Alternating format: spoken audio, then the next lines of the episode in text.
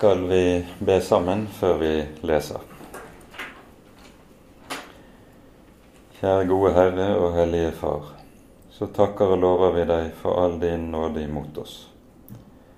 Takk, Herre Jesus, at du kom som synderes frelser, og at du er den samme også i dag.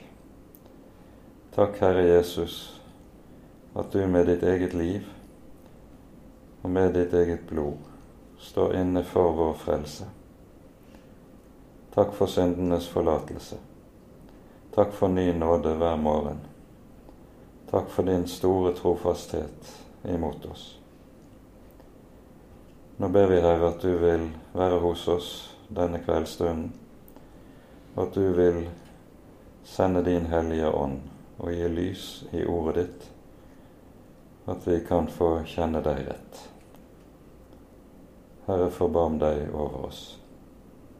Amen.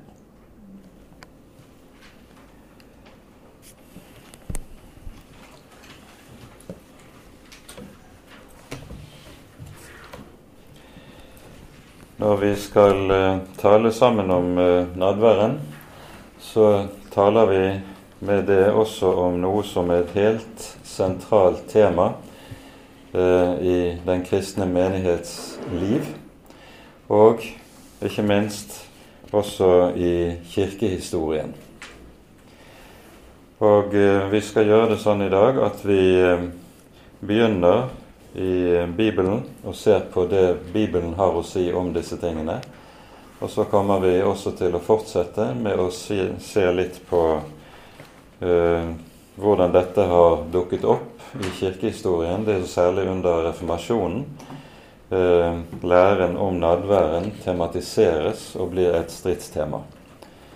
Og eh, så vil vi prøve også å dra inn et og annet fra det som er liturgien i gudstjenesten. For det er jo sånn at liturgien i gudstjenesten, den har som poeng at den skal si og understreke noe av det som er de sentrale teologiske hovedpoengene i det som vi gjør når vi samles til nadvær. Men vi begynner i Lukasevangeliets 22. kapittel, der vi hører om uh, innstiftelsen av nadværen. Lukasevangeliet gir oss en litt mer fyldig eh, fortelling om nadværinnstiftelsen enn eh, Matteus og Markus gjør det. Eh, idet vi får noen glimt inn i påskemåltidet her hos Lukas som vi ikke får eh, hos Matteus og Markus. Eh, Lukas 22. Eh, da er det sånn at i, fra vers 7 i dette kapitlet så hører vi at Jesus gir eh, disiplene Peter og Johannes eh, befaling om at de skal uh, gjøre i stand påskemåltidet inne i Jerusalem. Um, det var jo en god del praktiske forberedelser med å gjøre i stand påskemåltidet. Og en, noe av det aller viktigste her var jo at påskelammet skulle gjøres klart. Påskelammet på Jesu tid det ble slaktet i tempelet. Det var ikke sånn at uh, dette var noe som uh, man kunne kjøpe i handelsbodene eller hos slakterne rundt omkring i Jerusalem. Uh, på dagen forut for når påskemåltidet skulle inntas, så ble påskelammet slaktet i tempelet. Og Det var jo tusenvis av dyr det da handlet om som skulle slaktes for at uh, alle pilegrimene som uh, kom til Jerusalem, skulle kunne uh, ha det de trengte til påskemåltidet. Og vi skjønner at det er et temmelig svært apparat som måtte gjøres gjeldende i tempelet for at noe sånt i det hele tatt kunne gå. Men det fungerte. Så de skulle altså dra bl.a. til tempelet, hente lammet som de da også ville betale for i tempelkisten. og så skulle lammet stekes etter forskriftene i Andre Mosebok. Og dette er en dags arbeid.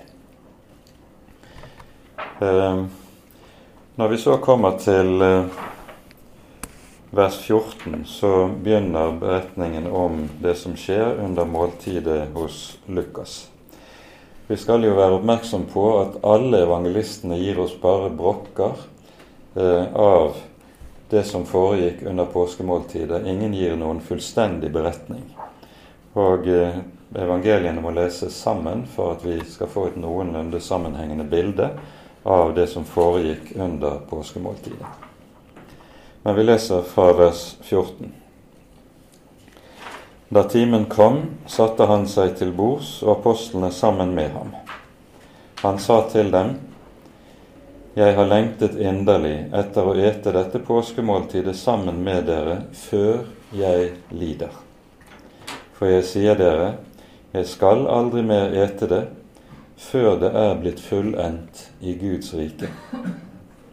Så tok han et beger, takket og sa, Ta dette og del det mellom dere, for jeg sier dere, fra nå av skal jeg aldri mer drikke av vintreets frukt før Guds rike kommer. Og han tok et brød, takket, brøt det, ga dem og sa:" Dette er mitt legeme som blir gitt for dere. Gjør dette til minne om meg. Likeså tok han begeret etter aftensmåltid og sa:" Dette begeret er den nye pakt i mitt blod, som utgytes for dere. Men se, Hans hånd som forråder meg, er med meg over bordet. For menneskesønnen går nok bort slik det er bestemt, men ved det mennesket som forråder ham. De begynte da å spørre hverandre om hvem av dem som det kunne være som skulle gjøre dette. Vi stanser der, og vi forstår at det som lyder til oss i vers 15, når Jesus sier 'Jeg har lengtet inderlig etter å ete dette påskemåltid sammen med dere', før jeg lider, det er et vers som med full berettigelse også kan anvendes på selve nadværen. Jesus lengter etter at vi skal komme sammen med ham når vi feirer nadvær. Vi hører her i det som berettes hos Lukas, om to beger med vin. Det som jo var eh, lovgivningen, eller liturgien, rundt påskemåltidet i Israel, var at det skulle være fire beger vin som skulle deles mellom gjestene ved påskemåltidet. Disse begerne, disse fire begerne hadde hver sitt navn. Og eh, hvert beger husfar som leder Eh, måltidet og liturgien rundt måltidet. Det var en høyt utviklet liturgi som foregikk. Og Det første vinbegeret som eh, ble eh, drukket, det het livets beger. Påskemåltidet ble jo feiret til minne om utgangen av Egypt. Og Det er dermed én gang om året i forbindelse med påskehøytiden at påskemåltidet ble inntatt. Når Jesus innstifter nadværen, så forutsetter han at dette ikke at nadværmåltidet ikke som påskemåltidet skal være noe som bare skjer én gang om året. Det ser vi at Jesus bruker ordet ofte i innstiftelsesordene. Så ofte som dere drikker dette. Um, og vi vet av både apostelgjerningene og av den eldste kirkehistorie at det som var alminnelig praksis i den eldste kristne menighet, var at nadvær ble feiret hver søndag når de troende kom sammen. Dette var en fast og grunnleggende del av det kristne fellesskapet. En gjenklang av det har vi i eh, apostelgjerningene 2.42, der vi har de såkalte fire b-ene. der det står 'alle de troende holdt trolig fast ved apostlenes lære, bønnene, brødsbrytelsen og samfunnet'. Og brødsbrytelsen er da ett av navnene på nadværen i Det nye testamentet. Det første begeret ble altså kalt for livets beger. Og hvert av begerne som ble inntatt på bestemte punkter under liturgien rundt påskemåltidet, der ble løftet av husets far, som sa en velsignelse over begeret, og den lød slik Velsignet være du, Herre vår Gud, himmelens og jordens skaper som har gitt vintreets frukt, eller som skaper vintreets frukt. Dette er karakteristisk for det som er den jødiske bordbønnen. Vi hører jo i Det nye testamentet i våre bibeloversettelser, her er norsk bibel et unntak, at det står når Jesus f.eks. metter de 5000, at da sies det 'han velsignet brødene'. Det er feil oversettelse. Det Jesus gjør, det er at han leser velsignelsen, som var den alminnelige jødiske bordbønnen. Og velsignelsen lød slik.: Velsignet være du, Herre vår Gud, himmelens og jordens skaper, som lar brød spire frem av jorden. Det er altså Gud som velsignes. Bordbønnen var en lovprisning av Gud som skaperen, og som metter alle med brød som han lar spire frem av jorden.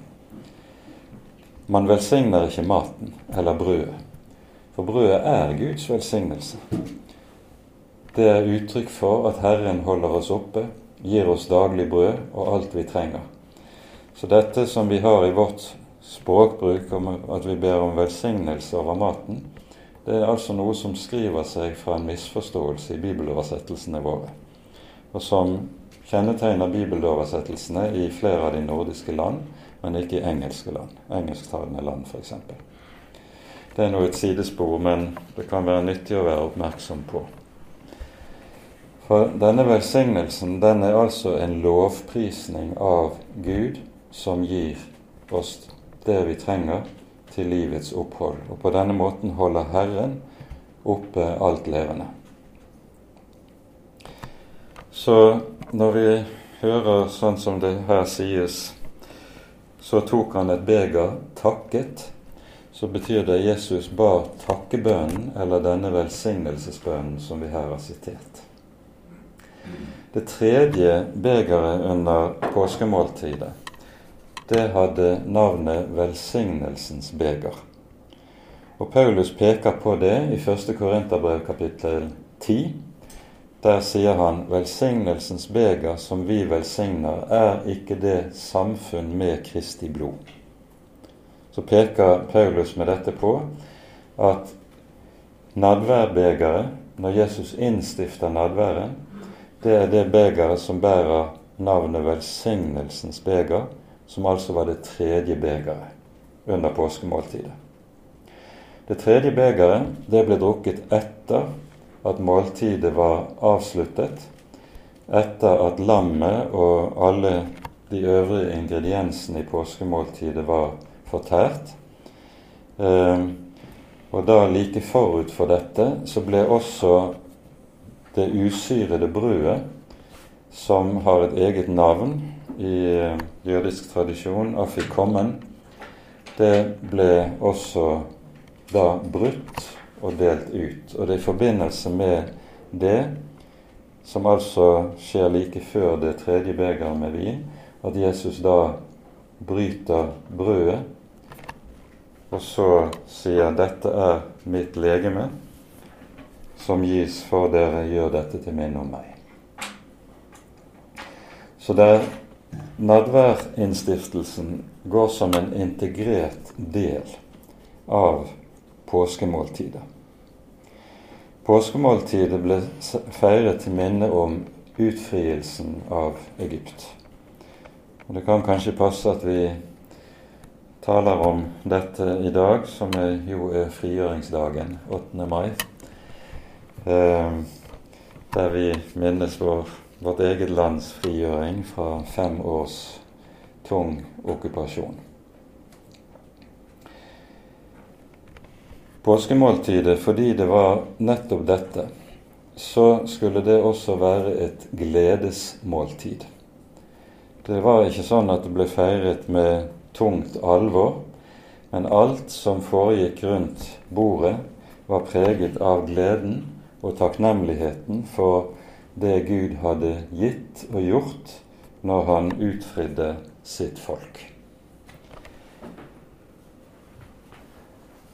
Så hører vi i eh, Matteusevangeliet at det sies til slutt da de hadde sunget lovsangen, gikk de ut til Oljeberget. Lovsangen ble sunget etter eller mellom det tredje og det fjerde begeret under påskemåltidet. Og Den lovsangen det sikter til, det er de såkalte Hallel-salmene i eh, Salmenes bok. Dette er salme 100 og her gikk batteriet. Da må vi bytte batteri. Beklager. Er reserve her.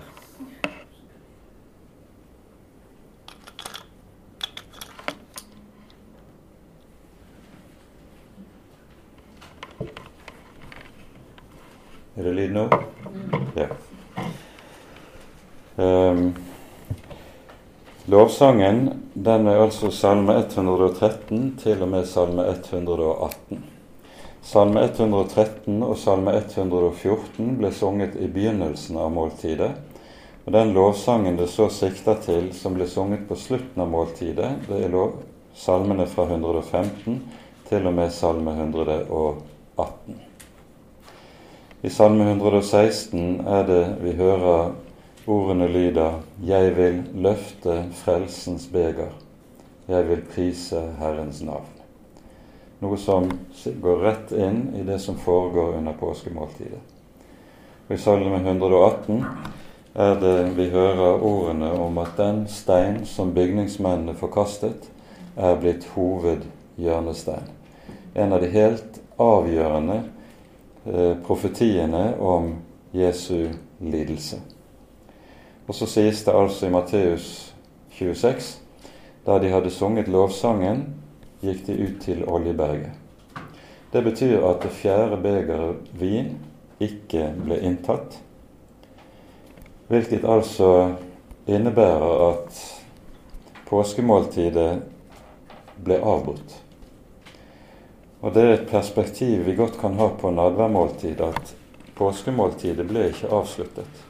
Så når vi feirer nadvær, så er vi inne i det måltidet som enda ikke er avsluttet. Det perspektivet kan vi godt ha med oss når vi samles om nadværbordet. De innstiftelsesordene som eh, anvendes under vår gudstjeneste, de finner vi hos Paulus i 1. Korinterbrevs 11. kapittel. Og vi må gå dit. Her i 1. Korinterbrev kapittel 11 er vi midt inne i et større avsnitt der Paulus taler om menighetens gudstjenesteliv. Ehm, dette avsnittet går helt fra begynnelsen av kapittel 11 og ut kapittel 14. Ehm, og Paulus er to ganger inne på det som har med nadværen å gjøre. Men i kapittel 11 er det vi altså hører innstiftelsesordene eh, skrevet inn. Dette står i en sammenheng, større sammenheng som Paulus eh, adresserer. Fordi det var slik at i Korint var det uorden på en hel rekke områder. Og det, denne uorden gjaldt også rundt hvordan nadværmåltidet ble feiret. Det som var ugreien i Korint, det var at Det var vanlig blant de første kristne å ha et fellesskapsmåltid som ble kalt kjærlighetsmåltidet eller agapemåltidet. Um, og en feiret da nadværen i sammenheng med dette agapemåltidet.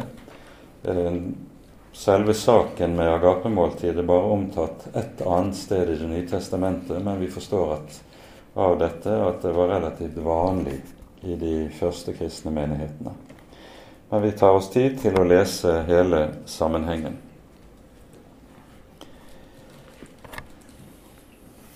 Vi, le Unnskyld, vi leser fra vers 17. Når jeg gir dere disse påbud, kan jeg ikke rose at dere kommer sammen til skade og ikke til gagn. For det første hører jeg at det er splittelse blant dere når dere kommer sammen som menighet, og for en del tror jeg nok det. For det må være partier blant dere for at det kan vise seg hvem som er de ekte iblant dere. Når dere så kommer sammen på samme sted, da er det ikke Herrens nadvær dere eter. For når dere eter, holder hver sitt eget måltid. Én sitter sulten, og en annen er drukken. Har dere da ikke hus til å spise og drikke i? Eller forakter dere Guds menighet og vanærer dem som ingenting har? Hva skal jeg si til dere? Skal jeg rose dere i dette? Nei, dette roser jeg dere ikke. Her er det tydelig at disse kjærlighetsmåltidene de foregikk på den måten som vi så feirer kurvfest på. Hver enkelt av deltakerne hadde med seg, men de fattige hadde kanskje svært lite å ha med seg. Mens de rike, motsatt, hadde så det virkelig monnet. Og Det som så skjer, er at antagelig så setter de rike seg sammen som ett parti, og så må de fattige sitte sammen og ha lite å spise og får ikke del i overfloden fra de rikes bord. Dette er uverdig, påtaler Paulus. Sånn skal det ikke være. Det skal være likelig, og dette ødelegger enheten i menigheten og et tydelig uttrykk for at de som er velhavende, ikke har noen forståelse for hva den kristne kjærlighet egentlig dreier seg om. Men så er det samtidig da slik at en feiret nadvær midt oppi dette fellesskaps- eller kjærlighetsmåltidet. Men Paulus sier det så radikalt at det er i realiteten ikke nadvær det de feirer, av at det hele foregår på en så uverdig måte. Og så det, slutter det seg til de versene vi har lest, de to siste versene i kapittelet, der skriver Paulus.: Derfor, mine brødre, når dere kommer sammen for å holde måltid, da vent på hverandre. Om noen er sulten, får han spise hjemme, for at dere ikke skal komme sammen til doms. Det andre vil jeg gi forskrifter om når jeg kommer. Og så er det at vi kommer inn i selve teksten som dreier seg om nadværen som sådan, fra vers 23. For jeg har mottatt fra Herren det som jeg også har overgitt til dere, at Herren Jesus den natta han ble forrådt, tok et brød, takket, brøt det og sa:" Dette er mitt legeme som er for dere. Gjør dette til minne om meg. Likeså tok han også begeret etter aftensmåltidet og sa:" Dette begeret er den nye pakt i mitt blod. Gjør dette så ofte som dere drikker det, til minne om meg. For så ofte som dere eter dette brødet og drikker av dette beger, forkynner dere Herrens død inntil Han kommer. Derfor, den som eter brødet eller drikker Herrens beger på uverdig vis, blir skyldig i Herrens legeme og blod. La hvert menneske prøve seg selv og så eter av brødet og drikker av begeret. For den som eter og drikker, han eter og drikker seg selv til doms, dersom han ikke akter på Herrens legeme. Derfor er det mange svake og syke blant dere, og ikke få som sovner inn. Men dersom vi dømte oss selv, ble vi ikke dømt. Men når vi blir dømt, da er det Herren som refser oss for at vi ikke skal bli fordømt sammen med verden. Dette er en overmåte betydningsfull tekst. Vi hører altså først innstiftelsesordene, og så det som slutter seg til i vers 26, og som nå er tatt inn i vår gudstjenesteliturgi. I vers 26 altså. Så ofte som dere spiser dette brød og drikker dette beger, forkynner dere Herrens død inntil Han kommer. Påskemåltidet var til minne om utgangen av Egypt. Og I de rabbinske forskriftene for måltidet så sies det uttrykkelig at når Israel er samlet om dette måltid, skal hver enkelt deltaker i måltidet tenke om seg selv 'Jeg var med og ble fridd ut av fangenskapet'. Jeg var med og gikk over Det røde hav. En skal altså inkludere seg selv i selve frigjøringen. Og det, det som ligger i tankegangen når Jesus sier 'gjør dette til minne om meg'. Det er dette å inkludere at du inkluderer deg selv i selve frigjøringen som skjedde på korset. Og så er nadværen altså en forkynnelse av det som Paulus understreker i begynnelsen av brevet er det sentrale i troen. I første kor 2.2 sies det jeg ville ikke vite noe annet iblant dere enn Jesus Kristus og ham korsfestet. Og det er nettopp kunngjøringen, forkynnelsen av Jesu død, at dette er det sentrale. Det er det som nadværen også holder frem for oss og forkynner for oss. Så lyder det et par saker som vi bør kommentere før vi går inn på selve innstiftelsesordene. I vers 27 sies det derfor den som eter brødet eller drikker Herrens beger på uverdig vis, blir skyldig i Herrens legeme og blod. Den uverdige nadværfeiringen er det som har foregått i Korint, og som Paulus altså påtaler. I tidligere bibeloversettelser så var dette omsatt annerledes. Der sto det dersom den som eter brødet eller drikker Herrens beger uverdig. Og Da kom en til å tenke på seg selv. Er jeg verdig til å gå til nadvær? Og nettopp det spørsmålet har vært en del av eh, nadværfeiringen som har utviklet seg innenfor deler av kristen tradisjon. Og så kommer der en stiller seg dette spørsmålet på ærlig vis, så må en jo med nødvendighet slutte 'jeg er aldeles ikke verdig'. Og da, men da er svaret på det spørsmålet at nadværen er nettopp gitt til uverdige til syndere. Akkurat som vi hører i Lukas 15 at Jesus spiser sammen med tollere og syndere. Og de selvrettferdige fariseerne anklager han for det. Så handler nadværen også om at Jesus deler fellesskap med tollere og syndere. Det er også i nadværen dette er en realitet. Det handler om å feire nadvær på uverdig vis. Altså som korinterne som vi hører det, at det rotes sammen med en mengde uordentlige ting som foregår i menigheten. Eller, og dette er antagelig det som er den klare forståelsen av hva det Det står i vers 29 Den som eter og drikker, han eter og drikker seg selv til doms dersom han ikke akter på Herrens legeme, står det her. I grunnteksten så står det bokstavelig 'dersom man ikke gjør forskjell på Herrens legeme'. Hvilket betyr at det er forskjell på Herrens nadvær og vanlig mat. Og Nettopp det var jo problematikken i Korint. at man gjorde ikke forskjell på agapemåltidet og et alminnelig måltid og det som var det hellige måltid i nadværen. Og det å ikke gjøre forskjell, det er altså å ete og drikke seg selv til doms. Og det er det som er, også er å feire på uverdig vis. Det er dette som er forklaringen på det.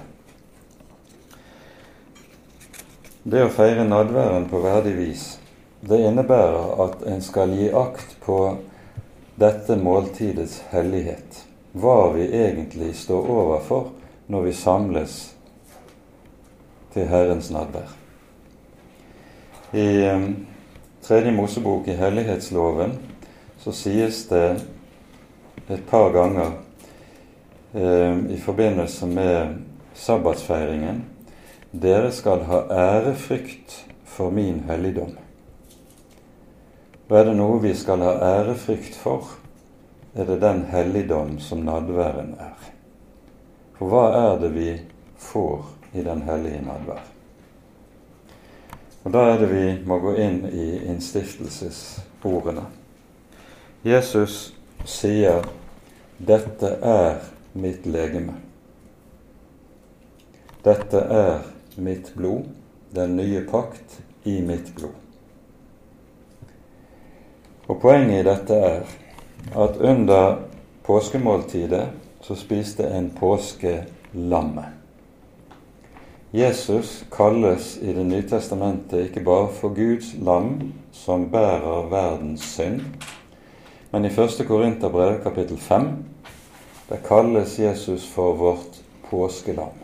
Vårt påskelam er jo slaktet.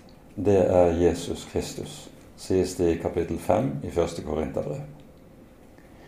Så poenget med nadværen sånn som Jesus innstifter den, er at akkurat som Israel i forbindelse med påskemåltidet spiste påskelammet, så er det som skjer i nadværen, er at vi spiser Han som er den nye pakts påskelam. Han gir oss sitt legeme og sitt blod. Nemlig det legeme og det blod som ble ofret på korset til soning for våre synder. Det er en av de mest sentrale teologene i Skandinavia, Regin Prenter, sier om dette brødet og vinen på bordet og legemet og blodet på korset er én og samme ting. Og Dette er viktig å være oppmerksom på. Når Jesus sier 'dette er mitt legeme', så sier han med det at det legeme som hang på korset og bar dommen over våre synder, det er det legeme han rekker oss i brødet i nadværet. Det er én og samme ting, sier jeg imprenter. Og det er dette som ligger i innstiftelsesordene. Luther er jo meget nøye med å understreke at skal vi forstå hva nadværen er, så må vi lese innstiftelsesordene nøye. Vi må gi akt på det som er ordlyden i innstiftelsesordene. For med det er det vi også kan forstå hva det dreier seg om. Jesus sier altså 'Dette er mitt legeme som gis for dere'. Påskelammet kalles for påskeoffer i 2. Mosebok kapittel 12. Og poenget med det, det er at i nadværmåltidet så finner vi en parallell mellom det som foregikk i tempelet, og det som foregår under nadværfeiringen.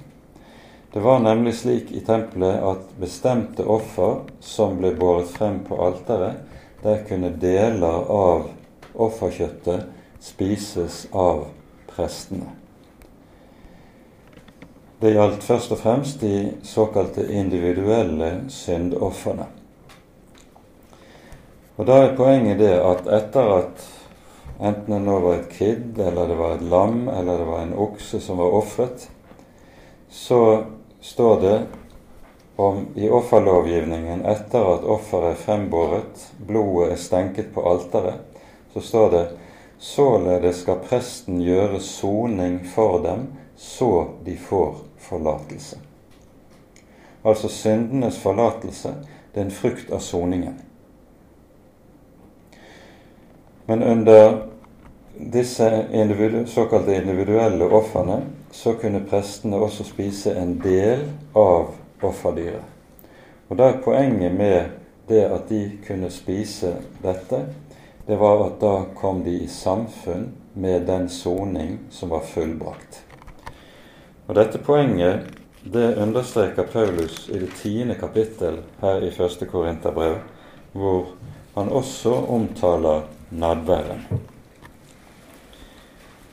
Vi eh, leser fra vers 16, kapittel 10. Velsignelsens beger som vi velsigner, er det ikke samfunn med Kristi blod? Brødet som vi bryter, er det ikke samfunn med Kristi legeme? Og legg merke til hvordan Paulus uttrykker seg. Han sier ikke 'er det ikke samfunn med Kristus', men han sier 'er det ikke samfunn med Kristi legeme', med Kristi blod'.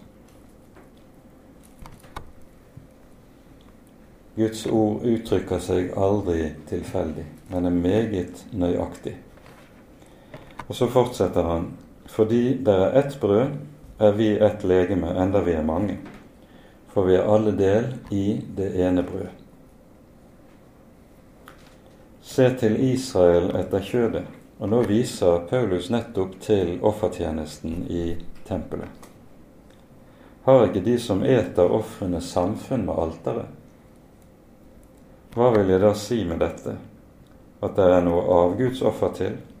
Eller at det er noen avgud til? Nei, men at det som hedningene ofrer, det ofrer de til onde ånder og ikke til Gud. Men jeg vil ikke at dere skal komme i samfunn med onde ånder. Dere kan ikke drikke av Herrens beger og onde ånders beger. Dere kan ikke ha del i Herrens bord og onde ånders bord. Her er det tydelig at en del av korinterne som deltok i hedenske offermåltider.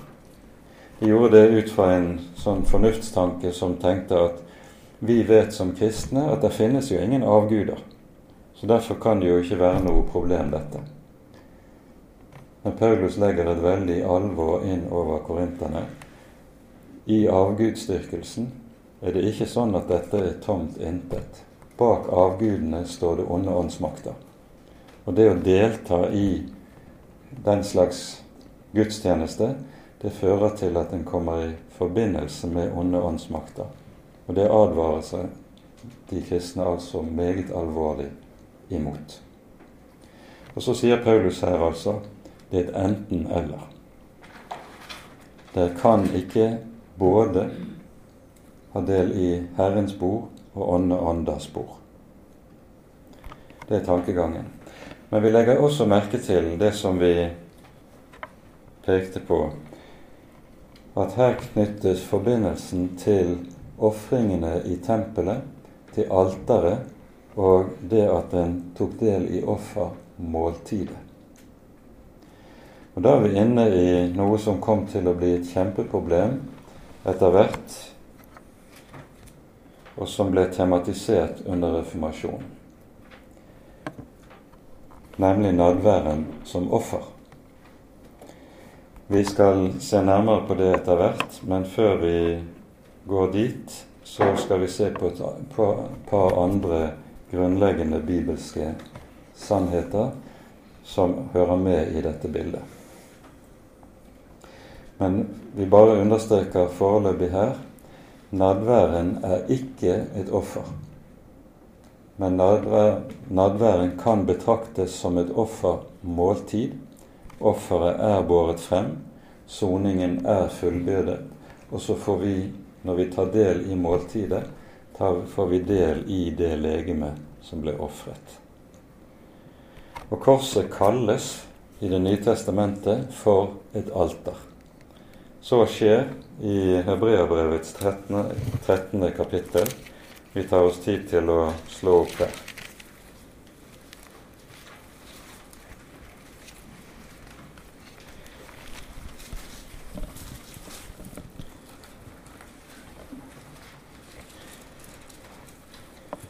I vers 10 så leser vi i Hebreane 13.: Vi har et alter som de ikke har rett til å ete av de som tjener ved teltet, altså den gamle pakts helligdom.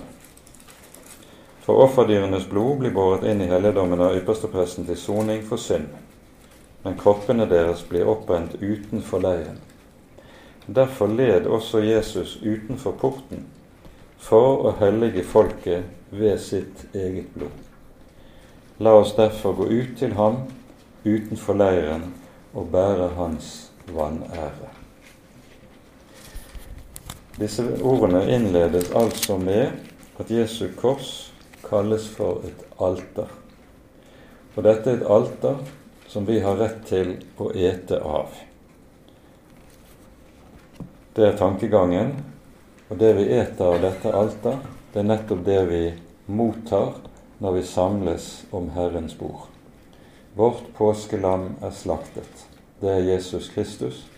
Og vi eter lammets kjød og får del i den soning som lammets blod har utvirket.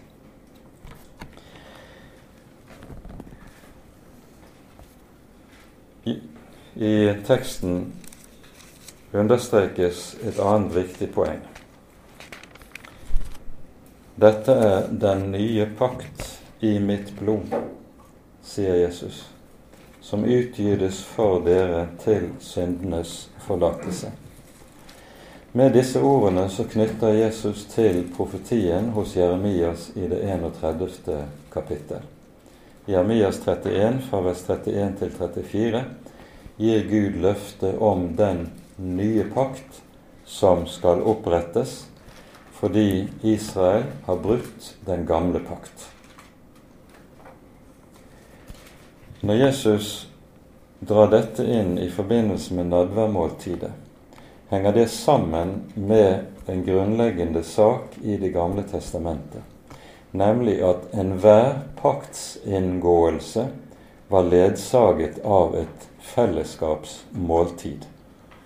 Typisk ser vi dette i Andre Moseboks 24. kapittel, der Gud inngår i pakt med Israels folk ved Sinai.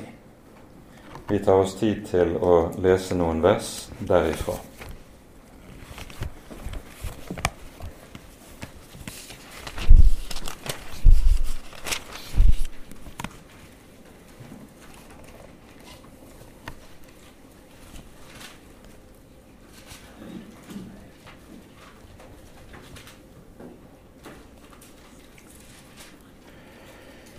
Paktsslutningen ved Sinai den foregår på den måten at det ofres, og blodet fra offerdyrene stenkes på alteret. Det stenkes på folket, og det stenkes på boken med de ti bud, der budene er oppskrevet. Og så leser vi fra vers 6 i 2. Mosebok 24. Moses tok halvdelen av blodet, helte det ut i skåler, og halvdelen av blodet stenket han på alteret. Så tok han paktens blod, bok, og leste den opp for folk, folket, og de sa:" Alt det Herren har sagt, vil vi gjøre og lyde. Da tok Moses blodet og stenket det på folket, og han sa:" Dette er paktens blod den pakt som Herren oppretter med dere på alle disse ord. Når offerdyret er slaktet og blodet stenket, sånn som vi her hører det, så trer pakten i kraft. Ordet pakt det betegner en juridisk bindende avtale mellom to parter.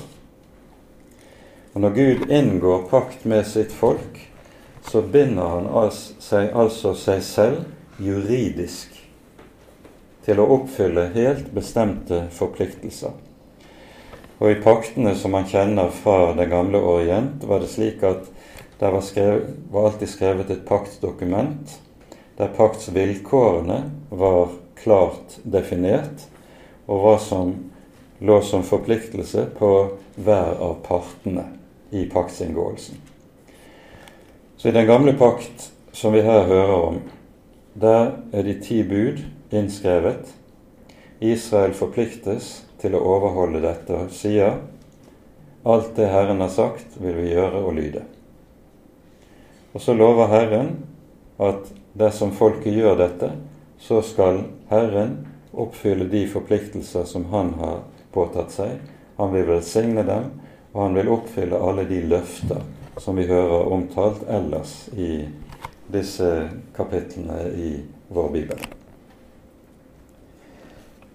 Når pakten slik i kraft av blodet har trådt i kraft, så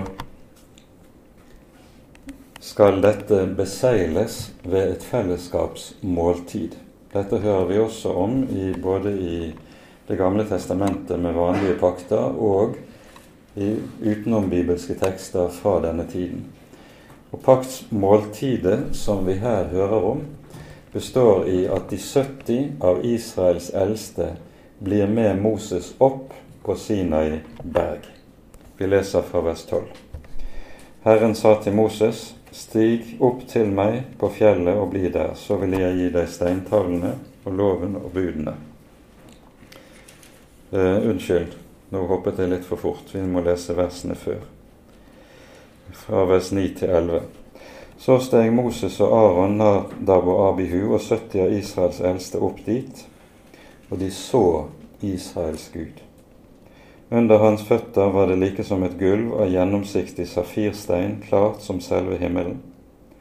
Han løftet ikke sin hånd mot de fremste av Israels barn, men de skuet Gud og åt og drakk. En har undret seg meget over hva er det de spiser og drikker. Og En av måtene å forstå dette på, det er at det å skue Gud, det er mat. Det er det som er den egentlige mat. Det er det som metter disse. Men det er noe som vi ikke får svar på her i tiden. I evigheten er det i hvert fall dette som skal bli vår mat. Vi skal skue ham og så lever vi i kraft av det synet. Dette er altså inngåelsen av den gamle pakt. Den nye pakt den trer også i kraft ved at det utgytes blod. Det er blod som renner på korset. Leser du Det nye testamentet og gjør en opptelling, så vil du se at blodet omtales langt, langt flere ganger enn korset. Og Dette er nettopp fordi blodet har den helt sentrale betydning i forbindelse med offerhandlingene at det er i kraft av blodet også pakten trer i kraft, blir virkekraftig. Som vi leste fra Tredje Moseboks lovgivning om syndofrene. Du hører dette i kapittel 3 og 4 eh, i Tredje Mosebok så er det et omkved som lyder når det gjelder alle ofrene.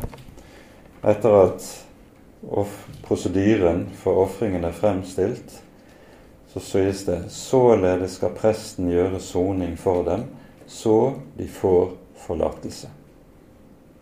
Syndenes forlatelse er grunnet på en rent objektiv handling som skjer, at det har foregått et offer. Og Det er nettopp sånn det også er i den nye pakt. Det har foregått et offer på korset. Syndenes forlatelse er grunnet på dette rent objektive, ikke på noe subjektivt hos oss og i våre hjerter. Nå sies det altså hos Jeremias i kapittel 31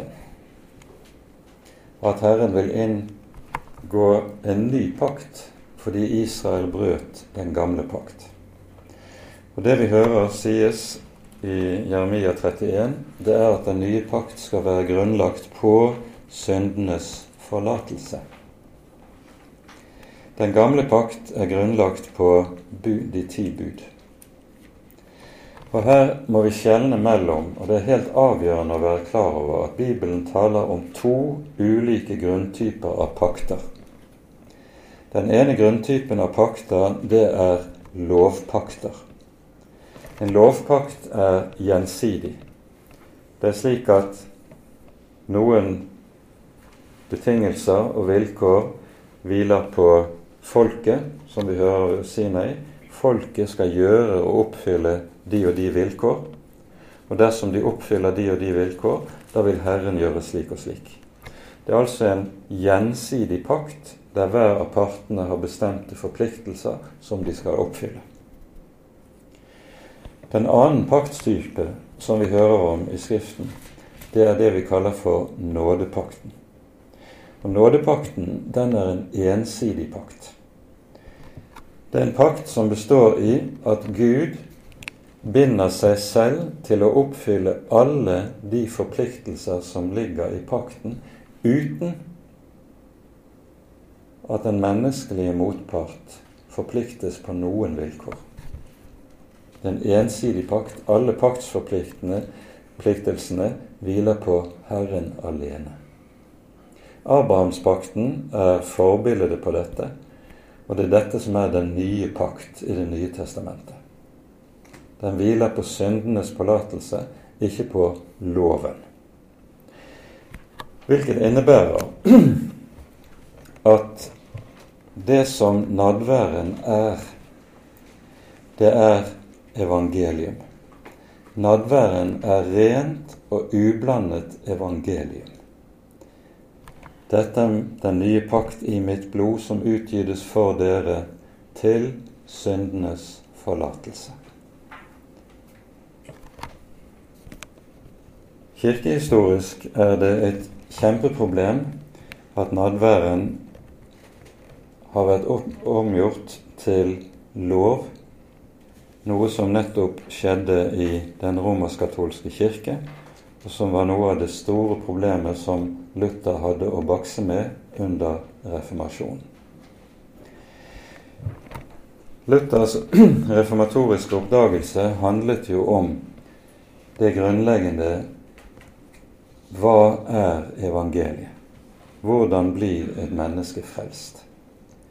Og et menneske blir frelst, det blir rettferdiggjort av en uforskyldt nåde for Jesus skyld. Slik er det vi får del i syndenes forlatelse. Slik er det vi får del i det evige liv. Det er for intet.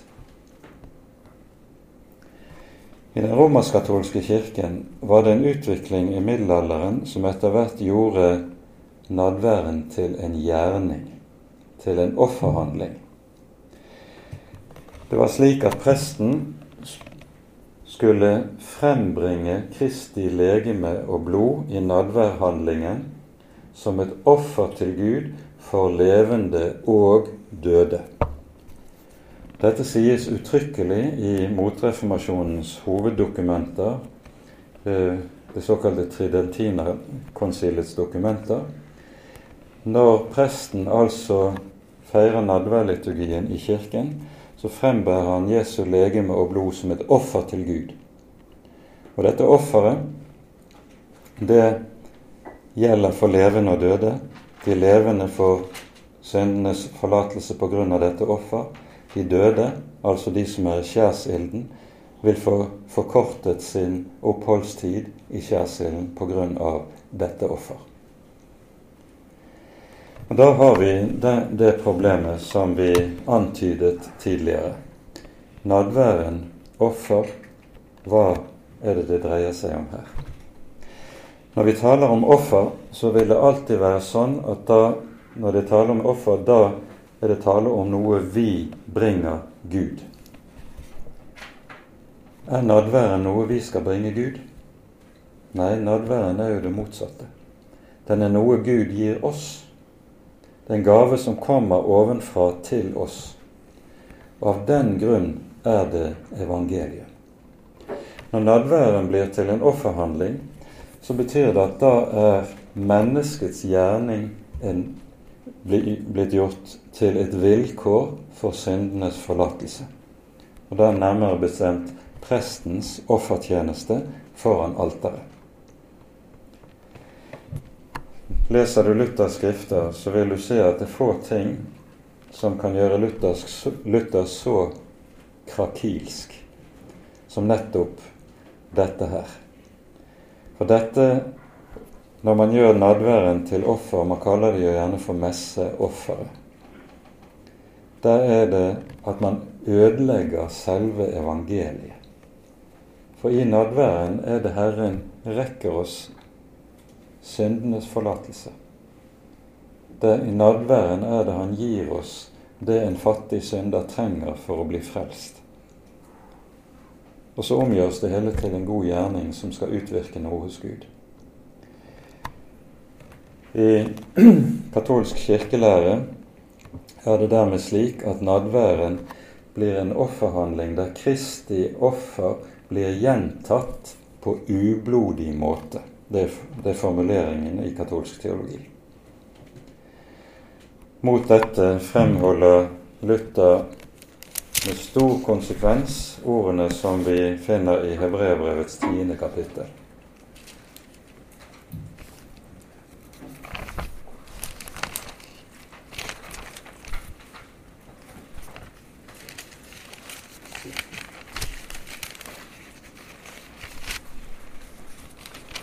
Her leser vi i vers 14. For med ett offer har han, altså Jesus, for alltid gjort dem fullkomne som blir helliget. Og i vers 10 står det ved denne Guds vilje er vi blitt helliget ved at Jesu Kristi legeme ble ofret én gang for alle. Jesu Kristi legeme skal ikke ofres om igjen og om igjen under messeofferet.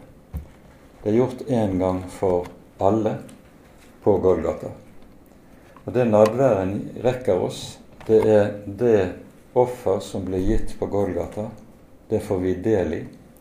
Og vi får del i frukten av dette offer, som er syndenes forlatelse. Intet annet, intet mindre. Nadværen er evangelium. Nadværen er gave. Nadværen er ikke en god gjerning som mennesker kan bringe Gud eller frembære for Gud. Det er den ene kamp som Luther hadde å kjempe under reformasjonen. Det var altså mot den romersk-katolske kirkes nadværforståelse. Men djevelen unner aldri sine å bare ha en enfrontskrig. Som regel handler det om at uh, man ender opp med en tofrontskrig. Og krigen på motsatt front, den ble med svermerbevegelsen. Svermerne, det som kjennetegner dem, det er at de nettopp fornektet at vi får Jesu legeme og blod i nadværen, i brødet og i vinen. De hevdet at dette må være symbolsk å forstå. De hevdet at ved himmelfarten så inntar Jesus plassen ved Guds høyre hånd, og Guds høyre hånd er i himmelen og ikke på jorden. Og Derfor kan Jesus umulig være til stede her på jorden i brød og vin. Sånn argumenterte Hva svarer Luther til dette? For det første så svarer han Guds høyre hånd det er ikke et geografisk sted som du kan definere. Guds høyre hånd det er Bibelens eh, uttrykk for Guds allmakt. Det å være ved Guds høyre hånd, det betyr å ha fått del i Guds allmakt. Og Det er jo nettopp det Jesus sier forut for sin himmelfart. Meg er gitt all makt i himmel og på jord så er Jesus ikke geografisk på et sted langt borte. Men nettopp fordi han er den allmektige, så kan han også gi det løftet som han gir i forbindelse med misjonsbefalingen. Se, jeg er med dere alle dager inn til verdens ende. Han er ikke geografisk langt vekke. Men på hvert sted der hans troende finnes, hvor de enn er i verden, så er han til stede etter sitt ord og sitt løfte. Dernest så argumenterer, og det finner vi særlig Svingli, som er Luthers motstander, og som kanskje mest reflektert teologisk hadde gjennomarbeidet dette. Han sier at når Jesus sier 'Dette er mitt legeme', 'Dette er mitt blod', så skal vi forstå ordet 'er' som at det sto 'dette betyr'. Altså dette symboliserer, ville vi sagt da. Til det svarer Luther da må du vise meg om det finnes noe språk i verden der ordet 'er' betyr det samme som 'betyr'. Nei, sier Luther, du kan ikke vise meg ett eneste språk i verden der så er tilfellet. Ordet 'er' det betyr alltid, eller uttrykker alltid identitet. Dette er. Det uttrykker identitet, det uttrykker vesen. Ja, men, eh, sier, svarer Svingli, Jesus sier jo også at han er døren. Er Jesus en dør? Ja, svarer Luther. Jesus er en dør. Men han gir ordet 'dør' en utvidet mening i forhold til det som er den vanlige bokstavelige bruk. Vi bruker jo også ordet 'dør' i overført betydning. Vi kan si at så og så er døren inn til en eller annen sammenheng. Vi kan si om en person at han er døren inn til en bestemt forening, f.eks. For så Luther er meget frimodig og sier ja, Jesus er en dør. Jesus er et tre, han er et vintre og gir med dette ordet vintre, dør, hyrde en utvidet betydning. Men, sier Luther, ordet er. Det betyr alltid det som det sier. Det uttrykker vesen og identitet. Så når Jesus sier 'dette er mitt legeme', så skal ikke vi med forstanden begynne å spørre hvordan kan det være mulig? Vår forstand rekker ikke til i slike ting. Her er vi nødt til å stole på det som er Jesu ord. Og så skal vi ikke spekulere på hvordan dette kan være mulig, og hvordan dette kan la seg gjøre. Troen stiller ikke spørsmålet 'hvordan er det mulig', men troen sier når Jesus har talt 'Ja, Herre, amen og takk'. Det er troens kjennetegn. Dette innebærer at det kommer til å bli et kjennetegn på hele den lutherske reformasjon at den holder fast på og står fast på det vi kaller for realpresensen. Troen på at Jesus er virkelig til stede i brød og vin med sitt legeme og med sitt blod. Realpresensen. Og det som vi møter i vår liturgi, i gudstjenesten, det er nettopp noe som skal understreke dette. Dette hellige mysterium. At når vi samles, så er Jesus til stede i brødet og i vinen med sitt legeme og blod. Og du spiser hans legeme og blod med munnen. Du mottar det med munnen og fordi du tror Jesu ord, så gagner dette deg. Spiser du det uten å tro, så vil det være til dom. Sånn som Paulus sier i 1. kor 11. Poenget er at, som vi siterte fra Tredje Mosebok, dere skal ha ærefrykt for min helligdom. Det fins ikke noe større mysterium enn dette, at Herren selv legemlig er til stede i brød og vin. Når Luther taler om dette, så drar han parallellen til inkarnasjon. akkurat som Gud i Kristi person blir menneske av kjøtt og blod, så kler Jesus seg så å si i kjøtt og blod i nadværen, og da er brød og vin hans kjøtt og hans blod. Poenget er at akkurat like lite som vi kan forstå det mysterium at Gud blir et lite og hjelpeløst menneske her på jorden, like lite kan vi forstå mysteriet i nadværen. For å støtte sin uh, overbevisning så hevder Svingli en filosofisk tese. Han sier det endelige kan ikke gripe det uendelige.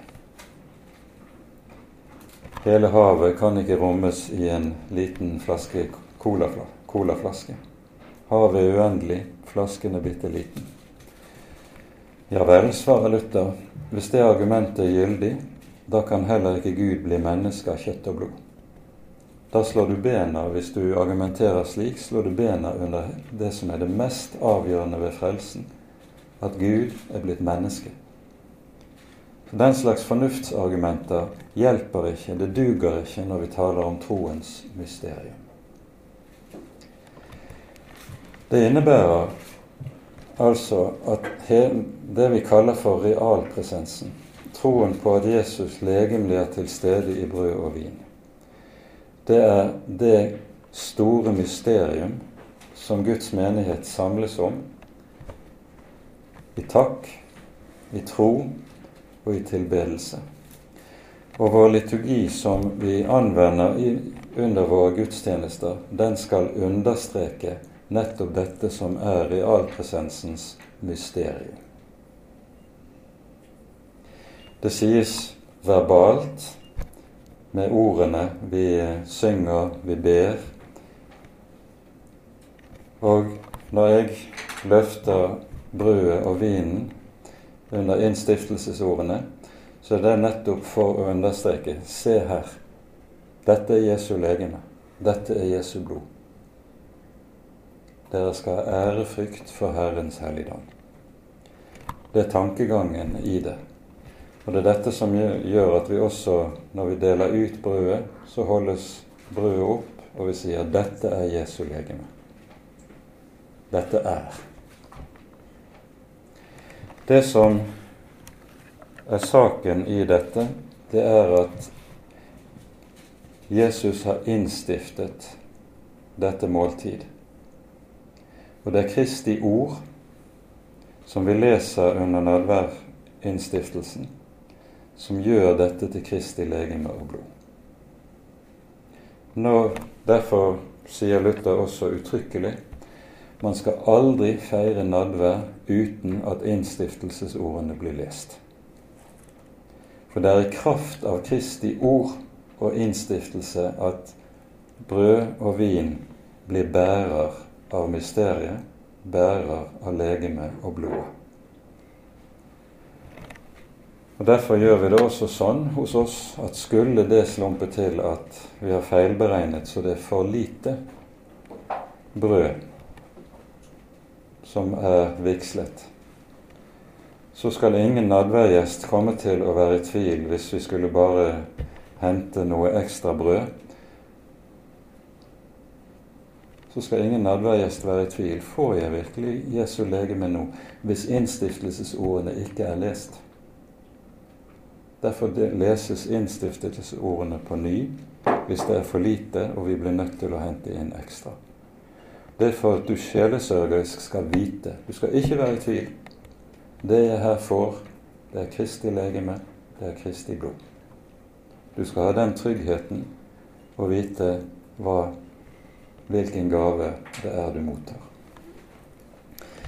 Jeg ser at tiden har gått helt fra oss. Det er meget mer å si om disse tingene, men nå bør vi kanskje sette punktum. Ære være Faderen og Sønnen og Den hellige ånd, som var og er og være skal en sann Gud, høylovet i evighet. Amen.